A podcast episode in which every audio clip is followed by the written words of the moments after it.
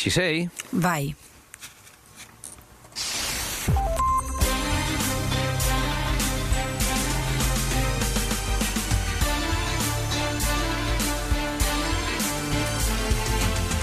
Welkom bij aflevering 22 van de Italië-podcast. Ik ben Evelien Redmeijer. En ik ben Donatello Piras. En we hebben weer een leuke aflevering klaarstaan... waar we stilstaan bij het super-Italiaanse fenomeen Mamoni of Bamboccioni, oftewel moederskindjes.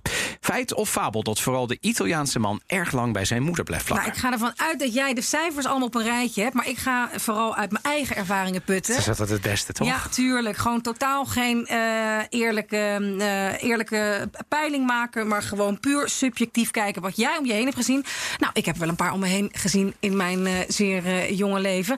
En daar zal ik gerust ga, met een gerust hart uit gaan putten vandaag. nou ja, ik zie de boze mails wel verschijnen. Oh, is het een bedreiging? Ja, er komen een paar mensen niet zo goed vanaf, uh, vrees ik dan in die situatie. Ja, nou ja, ik, uh, we, gaan het, uh, we gaan het meemaken. Maar ik begrijp dat we een cultuurtip. Ja, zeker. Uit de jaren van de pers uit de jaren 50. Uit de jaren 50. ja, maar wel heel erg 2021 op Netflix. Oh, ja. Dat is er dan wel weer leuk.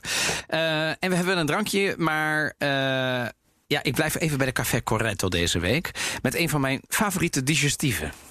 En we hebben natuurlijk weer de onverbeterlijke BNR FD Media Groep Café uit Ja. de automaat. Uh, We hebben eigenlijk gewoon weer een manier gevonden om hem eh, drinkbaar te maken. helemaal waar. En eh, dit keer dus met een van mijn eh, favoriete digestieven. Eh, en dat is Sambuca. En waar denk jij dan aan? Ik Eerlijk. Denk, ik denk dan vooral aan. eh, ik heb in, eh, in mijn tienerjaren in een eh, Italiaans restaurant. Ik ben in Laren gewerkt, L'Elefante Bianco. Oh, echt waar? Oh, ja, en daar was het classic. toen ja, echt classic. Ideaal restaurant, omdat je dan gewoon je kinderen naar beneden kon schoppen. En daar was dan, waren dan oppassen. En, en, boven ons stond het baganaal dan natuurlijk. Nou ja, nee, maar het is toch, toch geniaal dat je gewoon je kinderen kunt lozen en rustig aan tafel kan zitten. Dus ik was eigenlijk de helft Dat van hebben ze de in het gooien beter door dan in Amsterdam Ja, hoor. ja. Dit soort concepten. En, ja, en in het gooi zeker. Beslissen kinderen, geloof ik, zeker in die tijd eh, waar, eh, waar je uit eten ging. Dus mijn, mijn rol als, eh als serveerster was dan ook om de kinderen van beneden te roepen. ehm Reinoud en Anne Fleur, jullie pizza's zijn er. Nou, dat. En daar weet ik ook nog. Je gaat, je gaat ook qua accent even terug Ja, de nee, tijd. hoor. anders verstaan ze je nee. niet. Anders verstaan ze je niet. Maar, ehm, Ex-local, ja. dus, eh, en daar namen wel eens. eh, dat was, ja, het was gewoon geinig. Want dan liep je met een. Dat wordt dan in, in, in, eh, in de fik gestoken. Dus dat wordt dan aangestoken. En je moet het dus brandend op tafel zetten. Ja. En dan moet je het dus. Als ik me goed herinner, moet je met een schootje kreeg ik erbij. Moest ik het dan doven. Ja, dat is, ja, dat is natuurlijk helemaal de Is dat de restaurantversie. comme? Ja. Ja, de- kom, ja, weet je, het het mooie is comme il faut. Het is een, het is, het is, er zijn meerdere manieren om hem te drinken. Je kunt het drinken con la mosca. En dat is dan zeg maar met een eh, koffieboon erin. Ja. En dat geeft dan de smaak af. En dan wil de legende dat je er eigenlijk drieën moet doen. En het staat dan voor eh, prosperità, felicità e denaro. Ik heb een mooiere legende over de drie koffiebonen. Ik dacht, ik ga je gewoon meteen al aan het begin van, eh, van de aflevering. Mag ik nog koffie? Ga ik hier overheen. Ja, het is- Ehm, eigenlijk, dat zou dus kunnen dat het voor liefde en, en, en nog twee van die eh, Kleffe, wat kleffe ja. dingen staat. Maar Mhm. er is ook een legende die zegt dat tijdens de Tweede Wereldoorlog veel Italiaanse partisanen, hè, dus verzetstrijders, Mhm. een gevaarlijke strijd eh, tegen de Duitsers voerden. Eh, nadat Italië natuurlijk eerst samenwerkte met die Duitsers. En Duitse soldaten mengden zich in het dagelijkse Italiaanse leven, maar uiteraard niet altijd in hun uniform. En wanneer een partizaan een sambuca bestelde in een bar, en dat was toen een zeer populaire drank, waarschuwde de barman vertelt de legende, dat voor, voor hem, als er eventueel een undercover Duitser in zijn zaak was, door drie koffiebonen in het glas te doen. Dat was een, zeg maar, een soort duidelijk signaal. Ik weet het niet, maar ik vind het een mooie legende. Maar als het dus een Duitser was, dan kreeg je er drie. Nee, als jij als Italiaan, Ja. als partizaan, Ja. even pauze nam van het s- verzetstrijden. Ja. Ja? En je ging een even- koffie even een koffie nam. Even een koffie nemen. Even een koffie. En als er dan een Duitser Ja. undercover in die bar... die had dus dan waarschijnlijk al eh, een café bieten besteld... Ja, ja. en die stond dan in de hoek. Ik, ik vind het nu helemaal in, maar dat is al Nee, nee, begrijp. precies. Dan? En dan bestelde hij van, nou, ja, ja, doe er ook een sambuca bij... en dan ga ik daarna wel weer verder met Hm. verzetstrijden. Dan deed hij er drie koffiebonen in. Ten teken, Van, daar staat een Duitser. daar staat er een. Dus iedereen... Ja. Oh, maar dit is wel Ja. heel erg. Want nu kan ik natuurlijk nooit meer... Ja, ja ik bedoel... In, in, Beste legende wint. De beste legende wint. Ja, u mag zelf de luisteraar bepaalt. Ja, nou ja, ik heb het zeg maar het, tot vervelendste toe in mijn vriendengroep, zeg maar. Uh, in, in, in de studietijd was het uiteindelijk het, het, het, drankje van het herendispuut. En ik denk dat ik daar persoonlijk voor heb gezorgd op een gegeven maar moment. Maar dranken jullie dat dan echt heel veel? Nou, meestal gewoon na het eten en zo. Maar dat was dan altijd wel de bedoeling dat het dan kom je faux zoals het hoorde en zo. En dat hebben we dan denk ik zelf ook maar een beetje bedacht uit de legende die we dan kenden. En ik, ik heb vast een rol in gespeeld. Maar het moest altijd Molinari zijn. En ik weet nog één keer dat zeg maar, de barmensen de verkeerde hadden ingekocht. En dat was dan Isolabella. En hadden wij gezegd, doe dit nooit meer. Nee, dat is echt... Dat, maar dat is toch gewoon... wij gaan het goed maken. Wij gaan die avond, komen we met z'n allen... en dan zuipen we die hele voorraad op. En daarna moet je het weer goed. Nou, dat, was, dat hebben we zo gezegd zo gedaan. En er zijn dus mensen die tot op de dag van vandaag dit niet meer drinken. Dat snap ik. Mijn beste, omdat toen die avond, ze zeg maar tot... Omdat daar die maag doorgebrand is. Voilà, ja, voilà. Dus, dat is, dat, dus je, kunt een beetje doorslaan in je, in je missiedrang.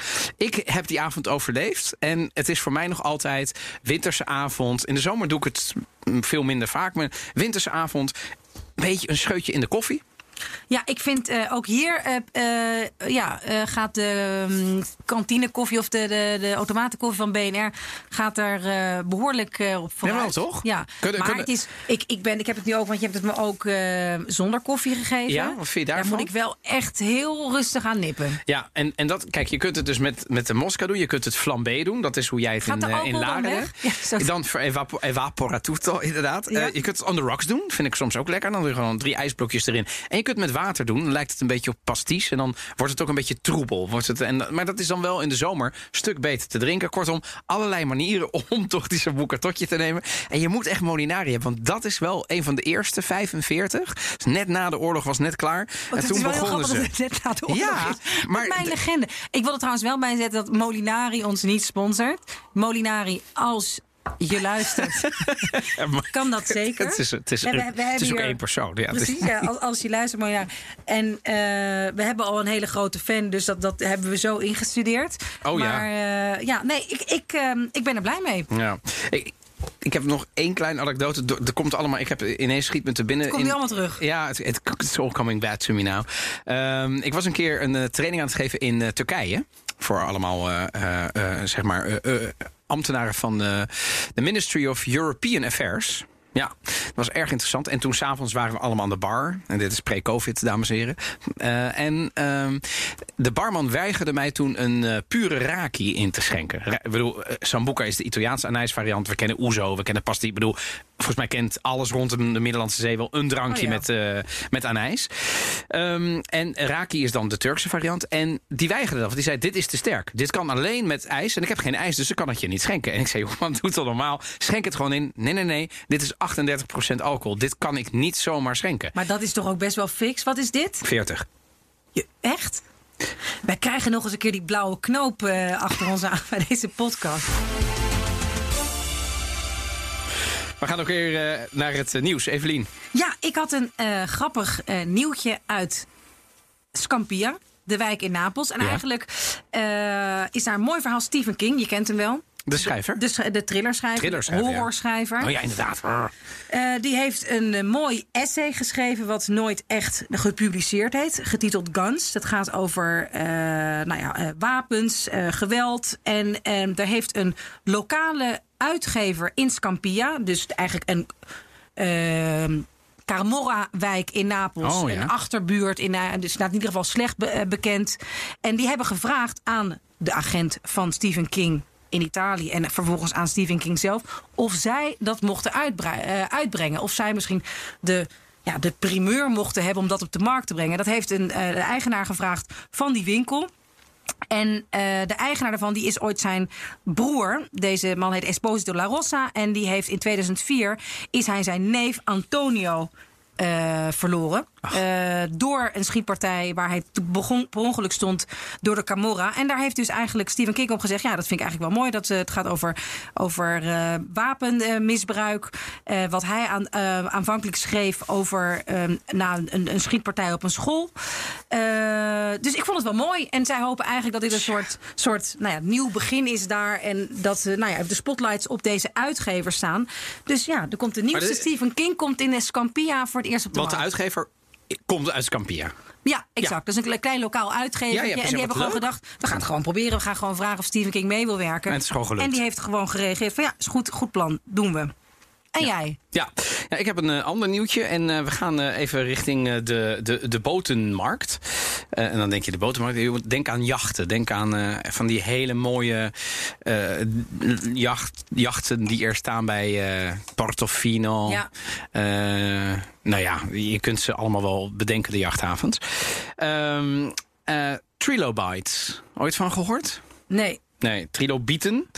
Eh, dat zijn zeg maar eh, in, het, in het Nederlands dan. En trilobieten die zijn zeg maar. eh, dat zijn geleedpotigen. dat is 500 miljoen jaar geleden. Hebben die krengen geleefd op aarde. En, en, en tegenwoordig. ehm, en dat, dat zijn zeg maar fossielen. Maar tegenwoordig is er dus een jacht die naar zo'n trilobiet is gebouwd. En zo'n trilobiet, ja, de- die heeft de hele vorm van dat uitgestorven beest aangenomen. En jij ziet me nu, en dat kunnen de Ja, luisteraars dacht- natuurlijk dacht, niet, hoe ga je niet dit bij elkaar brengen? Fossielen Ja, en... ja, nou ja, en dat ziet er dus zo uit. En voor de mensen die moeten dus gewoon even, Oh ja. even googlen op trilobiet. Maar nog veel interessanter. Vind je Ik het zal- mooi? Nou, dat laat, ik, dat laat ik die vraag zo meteen beantwoorden. Want wat ik er wel aan vind, ik moet over eh, eh, eh, zeggen van... eh, het is een, van innovationsorigins.com heb ik het opgelezen. En dat is van journalist Ewout Kiekens. Ehm, en ehm, eh, eh, het is dus een op waterstof ge- ge- gedreven, elektrisch aangedreven dus, jacht. Dus hij is milieuvriendelijk. Eh, je kunt dus beneden zitten. En beneden zit je dus, als ware het in, in een onderzeeër, zit je dus in het water. En zie je dus de vissen om je heen. Dus dat is denk ik ook nog wel heel erg leuk. Eh, en het is dus een project. Het is dus een Italiaanse jachtbouwer. ehm, die dus, dus heeft gedaan. eh Fincantieri. Ja. Komt hè, groot, groot, groot bedrijf. En Giancarlo Zemma, en dat is zeg maar een architect. Die hebben dit samen ont, eh, ontworpen. En het, is, het kan dus zeg maar eh, eh, ook de Middellandse Zee in. Maar het is eigenlijk een beetje meer gedaan om naar baaitjes, in maritieme parken en, en dat soort dingen te gaan. En, en dit is dan zeg maar het prototype, zeg maar. En zij gaan ons sponsoren, begrijp ik. ja, maar ik, bedoel, ik, dit- moet je, ik vond het zo futuristisch. Ja, dit, het, is- bedoel- het ziet er wel uit zoals ik nog nooit een schip heb gezien. Maar dat is Ja, wel toch? Moeite waard om het even te googlen. Ja, ja, Ja, en ik bedoel, en, nou ja, het is toch wel weer een innovatie. Ik weet niet of dit, misschien dat een heleboel mensen in de Emiraten dit fantastisch vinden. Eh, ik vrees ook dat de startprijs is, is hè, dit, dit kost zoveel geld dat dit voor onze normale stervelingen van de Italië podcast niet is weggelegd. Maar je weet maar nooit Je weet maar nooit. welke luisteraar dit hoort en denkt, dit moet ik hebben. Where else can you find the pasta, the vino, the mamoni that you find in Italy? Mamoni? If you don't know what mamoni are, they're not a what, they're a who. Romeos, Casanovas, Latin lovers who are in reality mama's boys who live at home. And more than half the young men in Italy do. Ja, is het feit of fictie? De Italiaanse man woont even lang bij zijn moeder. Evelien, wat zou jij zeggen? Even los van de cijfers. Nou, ze wonen wel een stuk langer bij hun ouders dan wij in Nederland gewend zijn. Dus dat, hè, dat wordt ook gezegd. Ja, ze is op de achttiende al uit huis gegaan. Dus ook, ik heb dus, ben op mijn achttiende een jaar in Florence gaan studeren.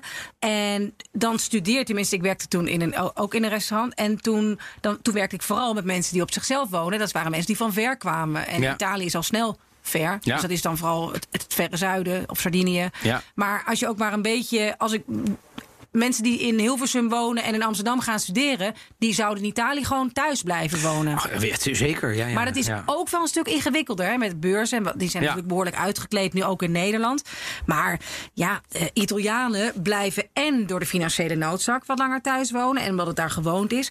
Maar ook omdat het ze wel comfortabel wordt gemaakt op sommige punten. Maar ik ben benieuwd, jij hebt cijfers. Ja, uit 2018. Maar goed, dat is best recent voor cijfers. Van de jongeren tussen de 18 en de 34 jaar woont 66,5 procent. Dat is bijna perfect twee derde bij zijn ouders. En in Europa zijn alleen Kroatië, Malta en Griekenland die dan een hoger percentage hebben. Eh, en dan gaan we nog een categorie hoger in de leeftijdscategorie van 25 tot 34 jaar. Dus dan specificeren we. Ja. Die woont 1 op de 2 Italianen Thuis. helft. De helft. Ja, Eh, dacht- Eurostat heeft deze cijfers eh, eh, geleverd. En jij zei al, dat, dat kennen wij niet. Nou, ter vergelijking, laten we Frankrijk nemen. is toch het buurland. Dat is, dan is het nog maar 14,9 procent. De UK 13 procent. En Nederland? Dus een gok? Nou, eh... 15? Nee, weet ik veel. Eh 1 op de... Nee, wel iets meer dan 1 op de 10. 1 op de 5? Ja, ja, het, eh, het 11,4 procent. Nou, is meer richting 1 op de 10. Dus eh overigens, Denemarken schijnt de kroon te spannen. Volgens mij is daar nog geen 4 procent. Oh, echt? Ja. Dus eh, hoe noordelijker je komt, hoe meer de drang is om naar buiten te gaan. En mogelijk ook de financiële ondersteuning vanuit de overheid? Ik denk dat dat ook wel te maken heeft. Hè? Want ik, laten we zo meteen even gaan kijken naar de, naar, naar de oorzaken. Ehm, en, ehm, Heb je dat ook in jouw familie?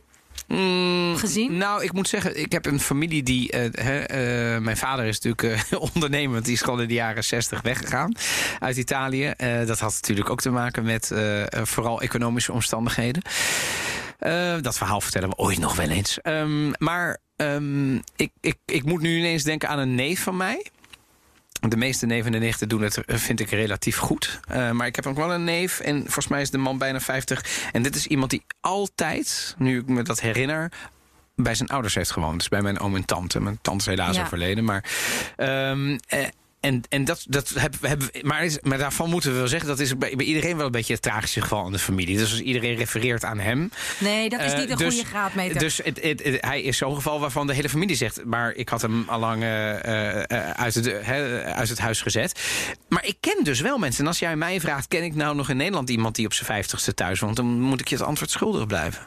Die zijn er vast wel, maar veel minder. Ja, veel minder. Ik heb dat, ik heb dat ook wel gezien. En dan waren het dan, weet ik veel, eh, broers of zussen van, eh, van, van vrienden van mij... die dan Ja. toch nog blijven hangen. En dat is toch ook omdat het ze... toch weer even die steekproef die waar ik waarschijnlijk boze mails over ga krijgen... dat het... Ik denk dat eh, het... Het huis uitduwen in Nederland een stuk groter is. Van, nou, Ja, nu mag je wel eens. Ja. En, wat, hè, en eigenlijk, ja, die familieband is dan ook wat, wat sterker. Misschien in Italië af en toe ook wat beklemmender. Er zitten altijd twee kanten aan. Maar dat het eigenlijk te zeggen: och ja, waarom, waarom, waarom zou je? Je kunt ook gewoon hier blijven. Of dat je je kind niet wil kwetsen. eh, van nou ja, je moet nu eens van je kamer afkomen. en gewoon eh, zelf iets gaan regelen. en je neemt er een bijbaantje. Dus ja, ik heb dat veel en veel en veel en veel meer gezien. Ja, ik moet ook wel zeggen, eh, we hebben het er nu over. De, de vraag is natuurlijk, is het een probleem? Is het een probleem dat dit zo is? En ik denk dat het een probleem is in Italië, want het is voor een aantal, en ik kan niet inschatten hoeveel, maar ik schat dat dat minimaal de helft moet zijn. Is het wel een probleem, want het is geen vrije keuze. Nee. Want ze doen het niet. Kijk, het is natuurlijk heel romantisch, want het is de liefhebbende zoon die zijn moeder niet kan loslaten en wordt vertroeteld met hè, eten je pasta. Nou, dat is natuurlijk een beetje het romantische beeld. Eerlijk gezegd ken ik heel veel jongeren ehm, die het wel hadden gewild eerder, ook familie, ook vrienden, maar die het niet konden betalen. Ehm, en eh, dat had gewoon puur te maken met het feit dat ze een baantje hadden in het restaurant, daarnaast nog studeerden en ze konden bijna niet betalen. En ik bedoel, ik ken er ook genoeg die het wel hebben gedaan, die de dansacademie bijvoorbeeld hebben gedaan in Milaan en dan wel met elkaar allemaal in een huis woonden. Ehm, maar heel veel zouden het wel hebben gewild, maar konden het niet betalen. Omdat er gewoon geen manier was om een goedkope woning. Want een woning in. in, in nou, laten we, hè, we, we, zitten, we zenden uit vanaf Amsterdam. Eh, jij hebt heel lang in Rome gewoond. Wat zijn nou de huurprijzen in Rome? Dat is toch ook niet goedkoop?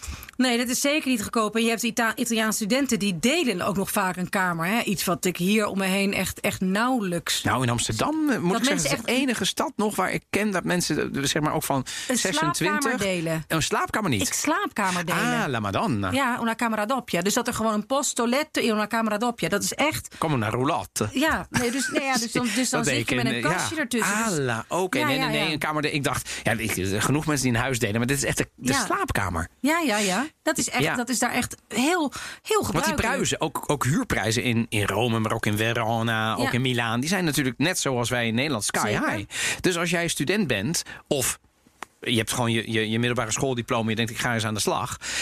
Ja, zie jij maar eens een huurwoning te krijgen als jij gewoon 1800 euro in de maand krijgt. Dat lukt natuurlijk nooit iemand. Ja, maar ik vind wel dat je nu de Mamoni iets te, eh ja, iets nee, oké. Dat is een deel ervan. Ja. Dat is een deel ervan. Want ik ken ook, nou ja, eh, mensen die dan eh, eigenlijk inmiddels al best met een eerste baan best wel wat redelijk verdienen. Zeker. En dan toch makkelijk bij hun ouders blijven. En dat het gewoon heel erg gebruiken. Ze eten mee wanneer ze, eh, wanneer ze daar zin in hebben.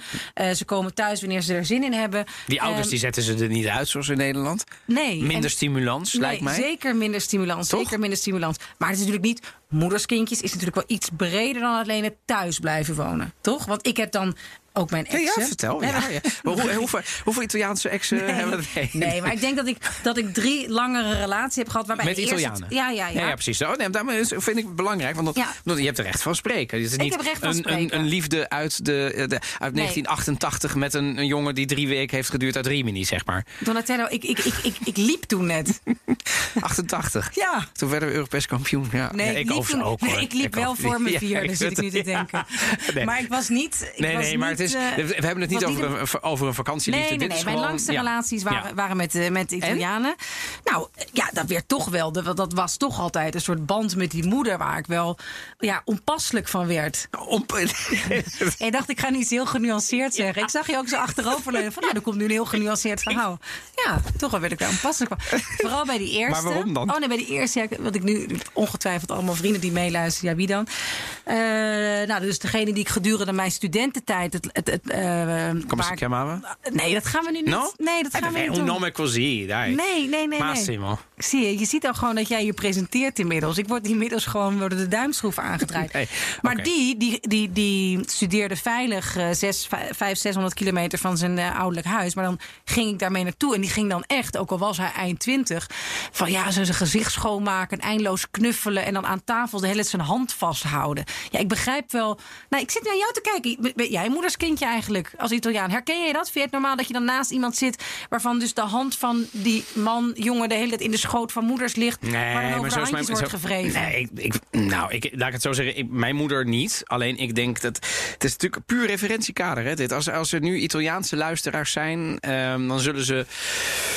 Dan zullen ze het ook wel herkennen en denken: ja, maar ja, weet je, de affectie is in Italië misschien iets breder dan in Nederland. Ik denk, kijk, mijn moeder is nooit iemand geweest die mijn hand ging vasthouden. En eh, bedoel, ik ben ook opgegroeid in Nederland, dus ik ben ook eh, op een gegeven moment op mezelf gaan wonen en op mijn negentiende enzovoort. Maar ehm, ik, ben, ik blijf toch wel altijd. eh, Ik bedoel, al, ik ben nu eh, boven de 40.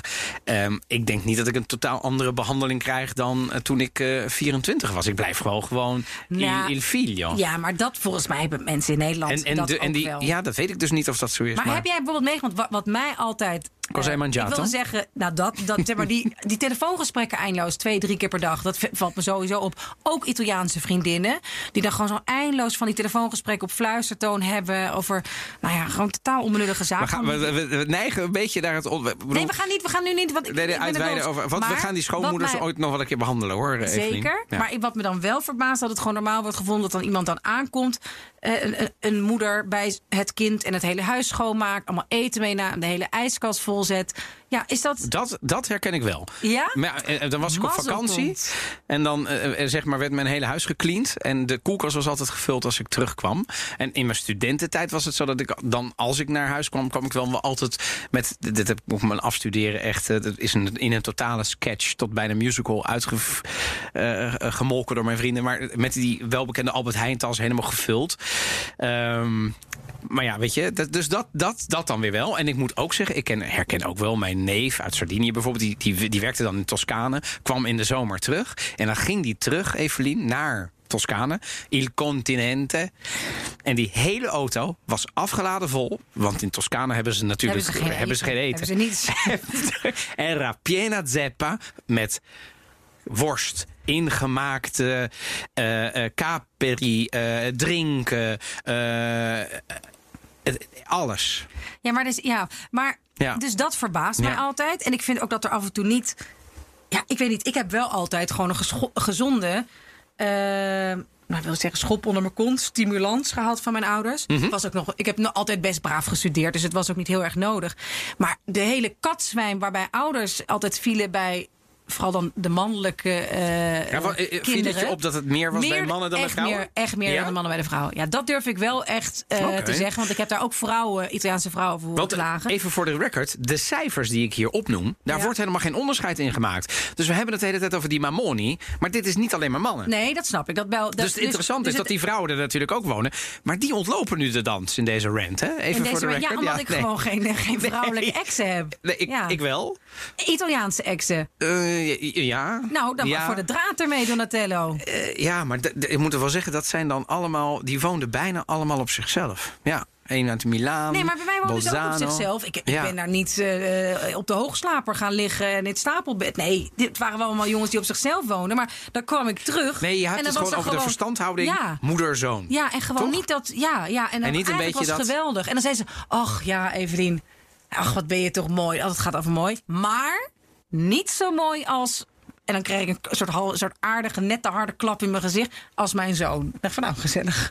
Dus wel dit verheerlijken. Maar weet je wat ik zoon. hier voor zou stellen? Ja. Ik denk dat de meest objectieve om dit zeg maar, te vertellen zou. ben ik niet. Oh ja, ik maak deze podcast wel, maar als het hierover gaat, denk ik dat mijn vrouw dit nog veel beter zou Ja, ik kunnen. ben, ja, ja, eigenlijk moeten we daar eens, eh moeten Ja, ik daar weet eens niet hoe, gaan. ja, ik weet niet of dat heel verstandig is. Maar eh, als het over dit onderwerp Maar gaat. moederdag Ja, maar La Festa, ook. La Festa de la Mama. stamt uit de Romeinse tijd. En zie, Het is, het is de dag de, waar de godin van de vruchtbaarheid werd vereerd. En Italiaanse mannen die hebben natuurlijk, dat is dan misschien daardoor, een eh, bijzonder hechte band eh, met de moeder. En dus die reputatie van moederskindjes. Maar ik heb ook een hele grappige zaak ooit een keer beschreven eh, uit 2014, die tot de Italiaanse Hoge Raad is gekomen. ja, die is wel leuk. Over overdreven mamismo. Ja. En daar ging het over een vrouw die anderhalve maand na het huwelijk een echtscheiding, echtscheiding had aangevraagd. Dat is vrij rap. Dat is grap, dat is grap. Nadat haar kerstverse echtgenoot erop stond dat zijn moeder ook mee op huwelijksreis zou gaan. Ja, oké, maar dan ben je gek. Sorry, we bedoelen, dat heeft niet zoveel En met heeft, te daar heeft de. Hoge Raad, die heeft toen serieus eh, daar wel eh, een, een grens getrokken van nou dat gaat te ver. En er is dus een onderzoek geweest. Ik, ik sta niet voor de eh, hoe het eh, ja voor de. Ik, ik heb het niet kunnen verifiëren, maar het zou zijn dat 30% van de echtscheidingen door excessieve bemoeienis van de schoonmoeder komt. Maar goed, dit is weer een heel ander onderwerp. want Ja, gaat over schoonmoeders. maar toch, ik, ik, deze, ik, ik wil hem eigenlijk voor de, voor de, voordat we uit de lockdown komen, Evelien, moeten we deze gewoon gedaan hebben. Wat de schoonmoeder? Ja, want eh, ik, ik weet dat jij er ook al eerder over gepubliceerd hebt. Ja. Jij hebt recht van spreken, vind ja, ik. ik heb wel recht van spreken. Ehm, ik weet niet of ik. Ik heb sowieso recht van spreken, want ik, ik presenteer die podcast mede met jou.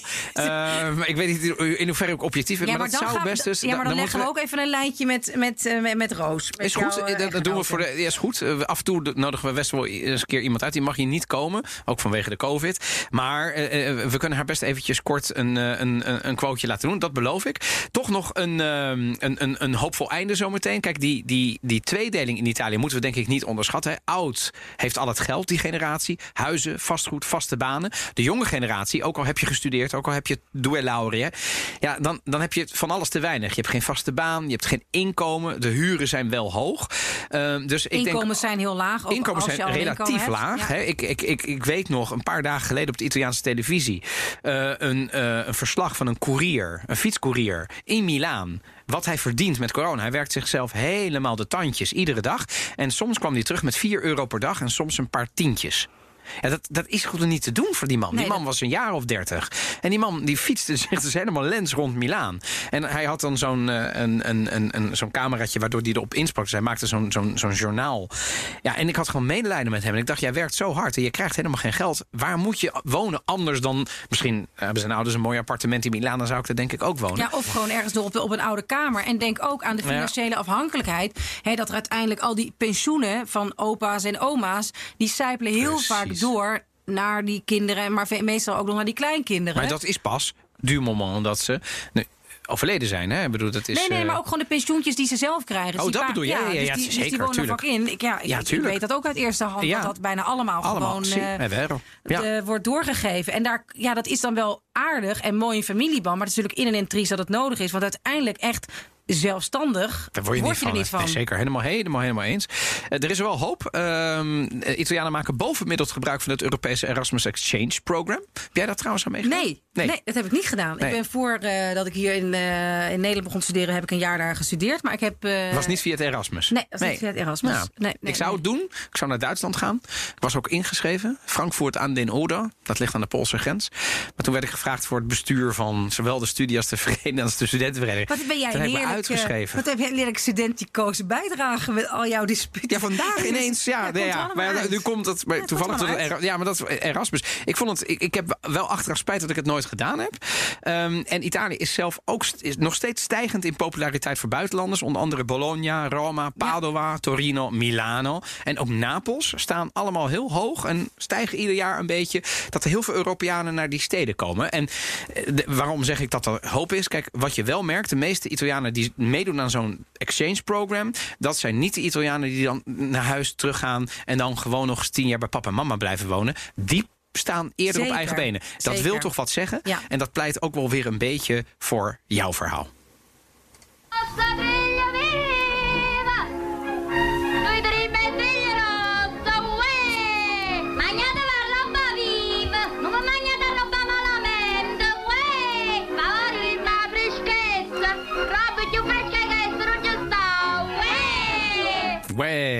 We gaan eh, terug naar de jaren 50 van de vorige eeuw zelfs. En dat doen we omdat eh, Netflix. eh, een fantastische film online heeft gezet. Eerder kon je het alleen nog via VPRO Cinema bekijken. Dan moet je dan een abonnement en zo voor hebben. Heb je dat? VPRO Cinema heb ik niet. Nee, oké. Maar wel NPO Start. Ja, ik heb laatst een, eh, oh, een boze luisteraar gehad. Echt waar? Ja, want ik zei toen, ik Vertel. heb dit, ik heb Cineville, ik heb Netflix, ik heb Amazon, ik heb eh, Ziggo. Ja, dat is nou eenmaal zo gegaan. Ja. En toen begon ik ook nog over mijn personal trainer. Dus iemand van, nou, wat loop jij te pochen met, eh, met al je jij geld? bent de elite, randstedelijke Ja, elite. en toen was ik opeens een randstedelijke elite. Terwijl ik zit ook Ja. maar gewoon in mijn... Maar je hebt ook gezegd tegen. te- te- En dit vind ik dan ter verdediging van jou. ehm, heb je ook een keer dat je. Dit doe je natuurlijk omdat je altijd. Je hebt toegegeven. Een keer in de zomer. Wij kijken nu naar buiten, want we nemen vaak s'avonds op. We zeggen nog maar een keer hier in Amsterdam. We kijken uit over een totaal leeg plein overigens. hè. Die lockdown werkt goed. In de zomer is het hier wat vrij. En toen zei je, maar in de winter verander ik toch een beetje in een vrouwtje theelepel. Ja. En dan ga ik heel erg cocoonen. En dan ga ik lezen en heel veel films kijken. En dan snap ik natuurlijk dat je, van, dat je veel van die abonnementen Nou, hebt. ik, ik, ik hou van de verdediging, maar ik wilde dus even zeggen... overigens ben ik ook ontzettend actief met mijn personal trainer. Maar zeg ik dus weer dat ik een personal trainer heb.